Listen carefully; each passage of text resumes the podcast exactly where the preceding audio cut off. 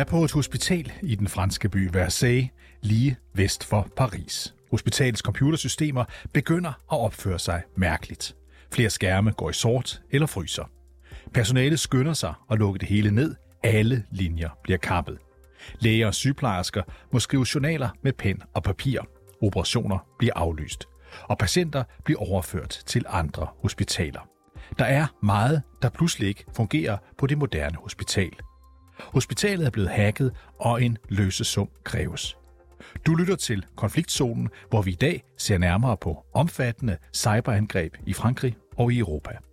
To store offentlige hospitaler i Frankrig er blevet ramt af angreb fra russiske hackere inden for det seneste halve år. De er blevet lammet, og deres systemer drænet for dybt personlige sygejournaler. Og Frankrig er ikke det eneste europæiske land, der oplever talrige cyberangreb. Mit navn er David Træs. Velkommen til Konfliktzonen.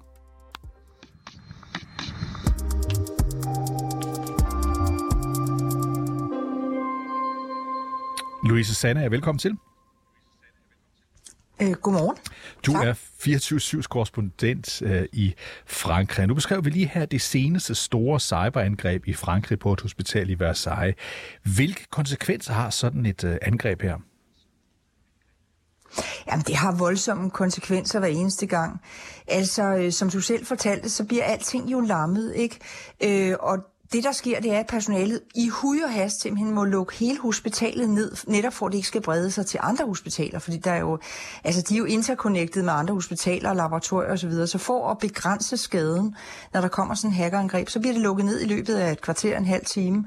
Øh, så er der jo rigtig meget på et hospital, der ikke fungerer, når man ikke længere har adgang til computer og kommunikationsmidler.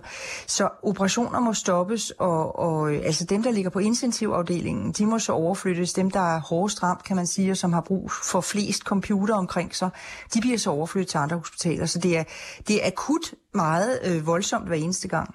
Og udover det, at man stopper operationer, der alt går i stå på hospitalet, hvilket jo er meget alvorligt, så er der også den her risiko for, at hackere de lægger oplysninger, personfølsomme oplysninger ud øh, på det, man kalder det mørke net, altså den skjulte del af internettet, hvis ikke de får deres løsesum. Ja, det var det, som skete i, øh, i oktober måned. Altså slut august bliver øh, hospitalet i KB i Sønden ramt. Øh, og så bliver der jo, det ransomware kalder man det, det vil sige, at det er et computerprogram, som, øh, som er trænet til, øh, at når det hele er gået sort, så står der så på skærmen, hvis ikke I betaler de her penge inden så så lang tid, så, øh, så lægger vi oplysninger ud. Og vi er lige nu ved at suge jeres, øh, jeres server og jeres computer tomme. Det er rigtig uhyggeligt. Øh, og det skete faktisk der, at, øh, Øh, at staten har den politik, at man aldrig, som i virkelig aldrig, betaler løsesum mm. til de her folk. Så da der var gået den måned, der var fristen, jamen så begyndte øh, oplysningerne jo at vælte ud på det sorte net. Og det er altså stærkt personlige oplysninger på herre og fru Frankrig. Det er deres øh, gynækologiske undersøgelser, det er deres tarmundersøgelser, det er deres sygesikringsnummer, deres adresser, deres navne. Øh, så det er meget voldsomt, og derfor får det også meget stor opmærksomhed hver gang, fordi der er jo rigtig mange mennesker, som pludselig kan se deres oplysninger flyde frit omkring nærmest. Mm-hmm. Og nu har du nævnt to eksempler på de her voldsomme hackerangreb, men hvor mange af den her type cyberangreb øh, vurderer man, at der rent faktisk foregår i, i Frankrig? Jamen, der er faktisk flere om dagen. Altså, det, er, det er simpelthen tusindvis om året. Øh, de fleste afværges bare. Øh, men det, der sker, det er jo, at netop det offentlige, altså og netop sygehusene, som jo akkurat ligesom i, i Danmark øh, er der blevet sparet i mange år, og det, som man har sparet på sådan nogle steder, jamen det var jo det, som kunne spares væk. Ikke? Så hvis man skulle vælge mellem at spare på cybersikkerhed eller på operationer, jamen, så valgte man på cybersikkerheden. Og det vil sige, at nu er de her sygehuse, også mange rådhuse i øvrigt, utrolig øh, skrøbelige. Altså de, øh, de er meget nemmere at ramme, fordi de, øh, de har så dårlig cybersikkerhed. Øh, så de fleste afværges, men altså det sker jo øh, som to gange inden for det sidste halve år, før det også en del andre hus hospitaler og rådhuse. Og Louise, ved de franske myndigheder, hvem det er, der står bag cyberangrebene? Ikke altid, men ved de sidste to her, der ved man det, og det er simpelthen en russisk gruppe, som kalder sig Lockbit 3.0. Øh, øh, mere ved øh, man ikke så meget om dem, fordi de er jo selvfølgelig pakket ind i en hel masse. Det kan være, der er nogle cybereksperter, der ved det, men sådan det offentlige får ikke så meget at vide om dem, udover at de er russere, og at de selvfølgelig er pakket ind i en hel masse... Altså, det er jo en, det er jo en virus, det er... Øh, den, og det er også derfor, man er så bange for, når den først kommer ind på hospitalet, at den ikke skal brede sig til, til hele den offentlige administration. Ikke? Øh, så man ved ikke så meget andet, end det er nogle anonyme russere. Ved man, eller rettere sagt, måske spekulerer man i, hvorfor de her russiske grupper, eksempelvis Lockbit 3.0, øh, de begår de her cyberangreb mod øh, offentlige institutioner i Frankrig? Ja, det gør de for, for at tjene penge, fordi selvom de godt ved, at de aldrig nogensinde får den løsesum fra staten, så er de oplysninger, som de får suget ud af systemet, rigtig værdifulde. De bliver solgt på nettet. Det er jo ikke for sjovt, de lader dem flyde rundt, mm. folks, øh, folks undersøgelser. Øh, det er simpelthen fordi, de tjener rigtig mange penge på det. Øh, sådan en sygejournal, den kan øh, lige nu sælges for 350 dollars på det mørke net, og det er altså rigtig mange flere penge, end man kan få for kreditkortoplysninger for eksempel. Øh, det man kan med sådan en sygejournal, det er, at man kan stjæle andre menneskers identitet.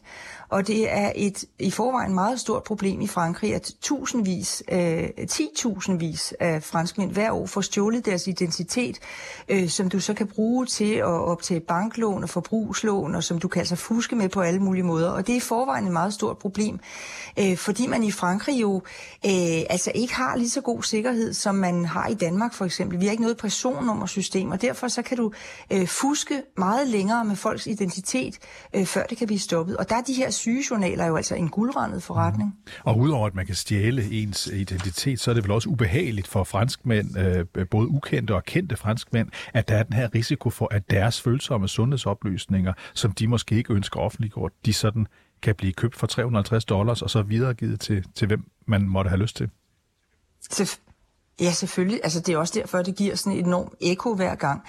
Øh, og derefter Corbeil Sonne, da der var gået den måned for eksempel, så passede det med, at det var blevet oktober måned. Øh, og det er den måned, som hver år i Frankrig bruges til at sætte fokus på brystkræft. Mm-hmm. Øh, hvor der er sådan en helt kampagne, hvor tv-værterne sidder med lyserøde sløjfer for at gøre opmærksom på, at nu skal vi alle sammen screenes for brystkræft. Øh, og derfor så gjorde de her lokker nærmest sådan for at være ironiske eller sarkastiske, så gjorde de det, at de faktisk øh, offentliggjorde flest brystkræftpatienters journaler, ligesom for at, at give den et ekstra øh, skru, kan man sige. Øh, og det betyder jo så, at tusindvis af kvinder har set deres øh, meget personlige altså mammografiundersøgelser flyde rundt på nettet og blive solgt. Nu sagde du før, at det giver eko i, øh, i, i Frankrig, når de her ting, øh, øh de, de sker, jeg gætter på, det er halvfransk for, at det vækker genklang øh, rundt omkring. Fordi hvad siger franskmændene til den her risiko for, at deres, deres sygejournaler, de bliver, de bliver delt på det mørke net? Her taler jeg ikke om de kendte franskmænd, men helt almindelige franskmænd. Ja, de bliver voldsomt tosset, og derfor så er der jo også store artikler og mange øh, udsendelser om det hver gang, og hver gang så lover regeringen at gøre noget. Det gør den så også. Den har faktisk øh, sat, øh, altså på et tidspunkt sat 2 milliarder euro af til cybersikkerhed, hvoraf 350 var direkte øremærket øh, hospitalerne, og efter det sidste angreb her på Versailles i december måned, øh, hospitalet i Versailles, så satte Macron og regeringen yderligere 20 øh, millioner af, øh, simpelthen for at prøve at dæmme op for det her men der er også rigtig meget øh, det er ikke kun penge, der skal til. Der skal også noget opdragelse til, kan man sige, fordi øh, mange af de her sundhedsansatte på hospitalerne har ikke været opmærksom på det, og derfor så står deres computer åbne, når de går til frokost, og så er de utrolig nemme at angribe. Og det er noget af det, man har fokus på nu, at man simpelthen skal have uddannet de her folk til øh, at blive bedre til at passe på deres egen computer. Hvor problematisk er det her for den franske regering, som vi jo roligt kan sige har alle mulige andre problemer at håndtere i de her måneder? Hvor, hvor, hvor problematisk problematisk er det her? Hvor meget bringer det dem i defensiven? Altså det er problematisk i den forstand, at, øh, at hver gang der sker sådan en angreb, øh, så kommer der meget fokus på det. Og så går der nogle dage, og så dør det lidt hen, når regeringen har sagt, at vi skynder os at sætte nogle ekstra penge af til. Men det er jo i virkeligheden en tækkende bombe, fordi det er bare et spørgsmål om tid, før at de her hacker får fat i noget, som er virkelig voldsomt. Øh, altså hidtil har man ligesom kunne dæmme op for det, og man kunne, kunne sige til de her mennesker, ja det er ikke så godt og så videre vel. Men på et eller andet tidspunkt sker der måske noget, øh, hvor virusen breder sig så voldsomt, at flere hospitaler bliver lammet, altså at man simpelthen ikke kan operere operere på folk og heller ikke flytte dem over til noget andet, fordi nabohospitalet også er lammet. Mm. Og derfor er det sådan en tækkende bombe, og det er selvfølgelig også derfor, at regeringen er, er parat til at sætte så mange penge af. For 350 plus 20, det er jo altså rigtig mange, rigtig mange millioner. Så det er en af de ting, den franske regering gør, det er altså at afsætte flere penge. Er der en fornemmelse af, øh, Louise, at, øh, at øh, de kan den franske regering, de franske myndigheder, gøre det, der skal til for at undgå, at de her ubehagelige hackerangreb, de fortsætter?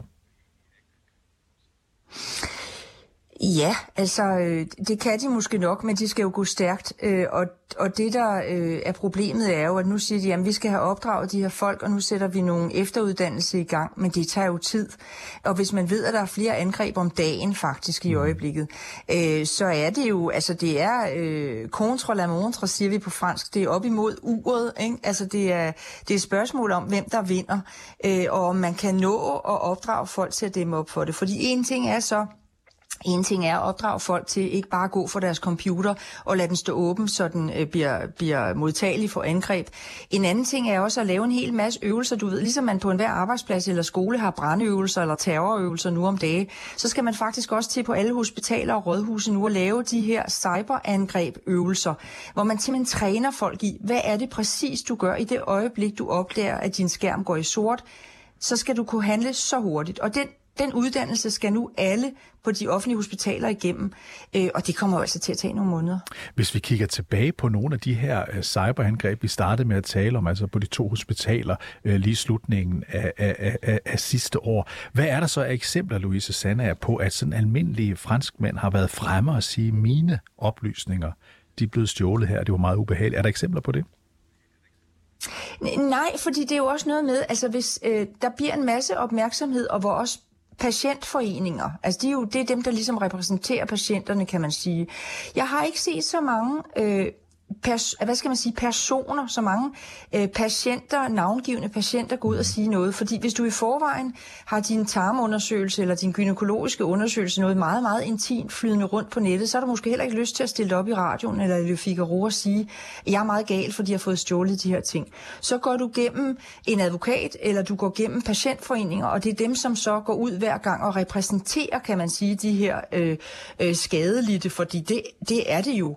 Øh, der har så efter efterfølgende været meget fokus på, og der har jeg set nogle folk, der har fået stjålet deres identitet, øh, hvor, som, som for eksempel ikke har kunne få et banklån, fordi at, at øh, de skal købe en lejlighed, og de vil gerne have et banklån, og da de så øh, har deponeret nogle penge på en konto, så opdager de pludselig, at kontoen er blevet ribet.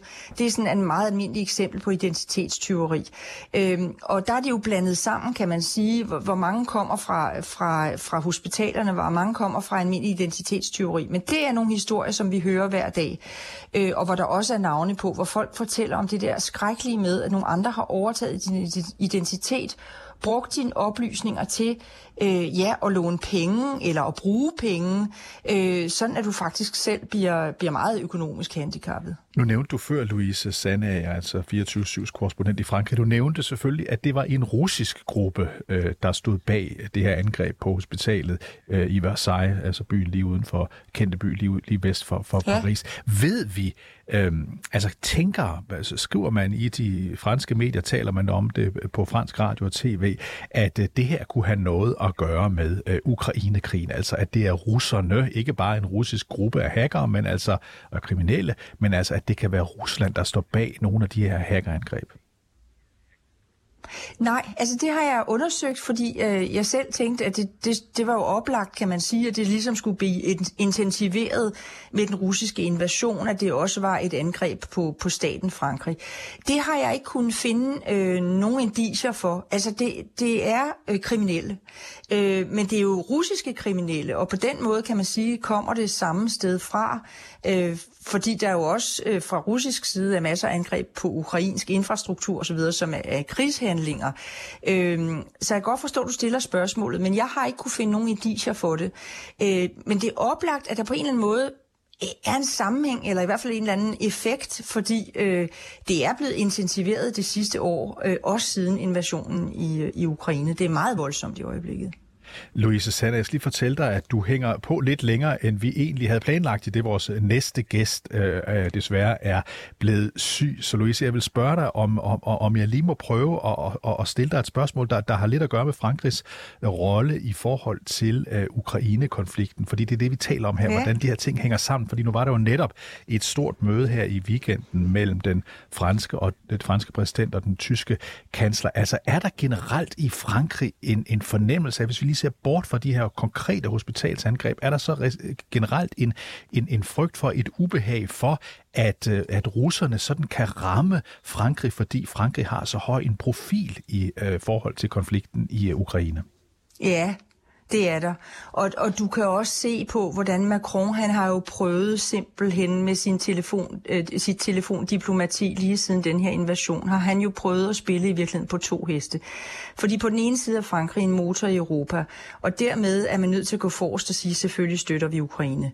Og på den anden side, så prøver han altså at blive ved og ved og ringe til øh, Putin, selvom alle godt ved, at det hjælper ikke en bønnen.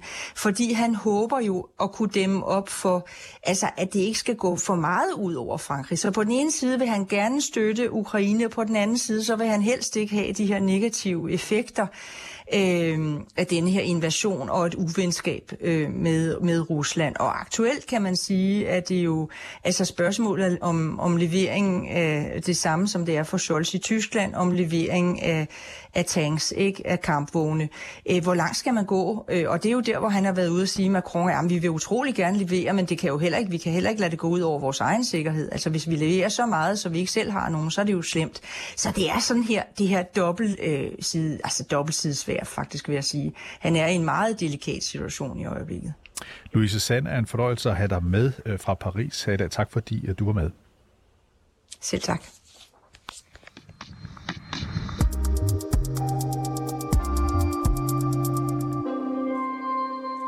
Ja, du har lyttet til dagens afsnit af Konfliktzonen. Det bliver en lille smule kortere end normalt i det vores anden gæst i dag, som egentlig skulle have fortalt os om, hvordan øh, den her, de her hackerangreb, som vi har hørt øh, foregå i Frankrig, også foregår i andre lande herunder i øh, Danmark. Desværre blev vores anden gæst syg, og derfor runder vi øh, Konfliktzonen 24-7's udenrigsmagasin af en smule før tid i dag. Mit navn er, er David Træs, og holdet bag programmet er som altid Christine Randa og Sofie Ørts. Du kan lytte til programmet direkte. Det kan du mandag til torsdag fra kl. 8 til 8.30, men du kan selvfølgelig også høre programmet som podcast. thank you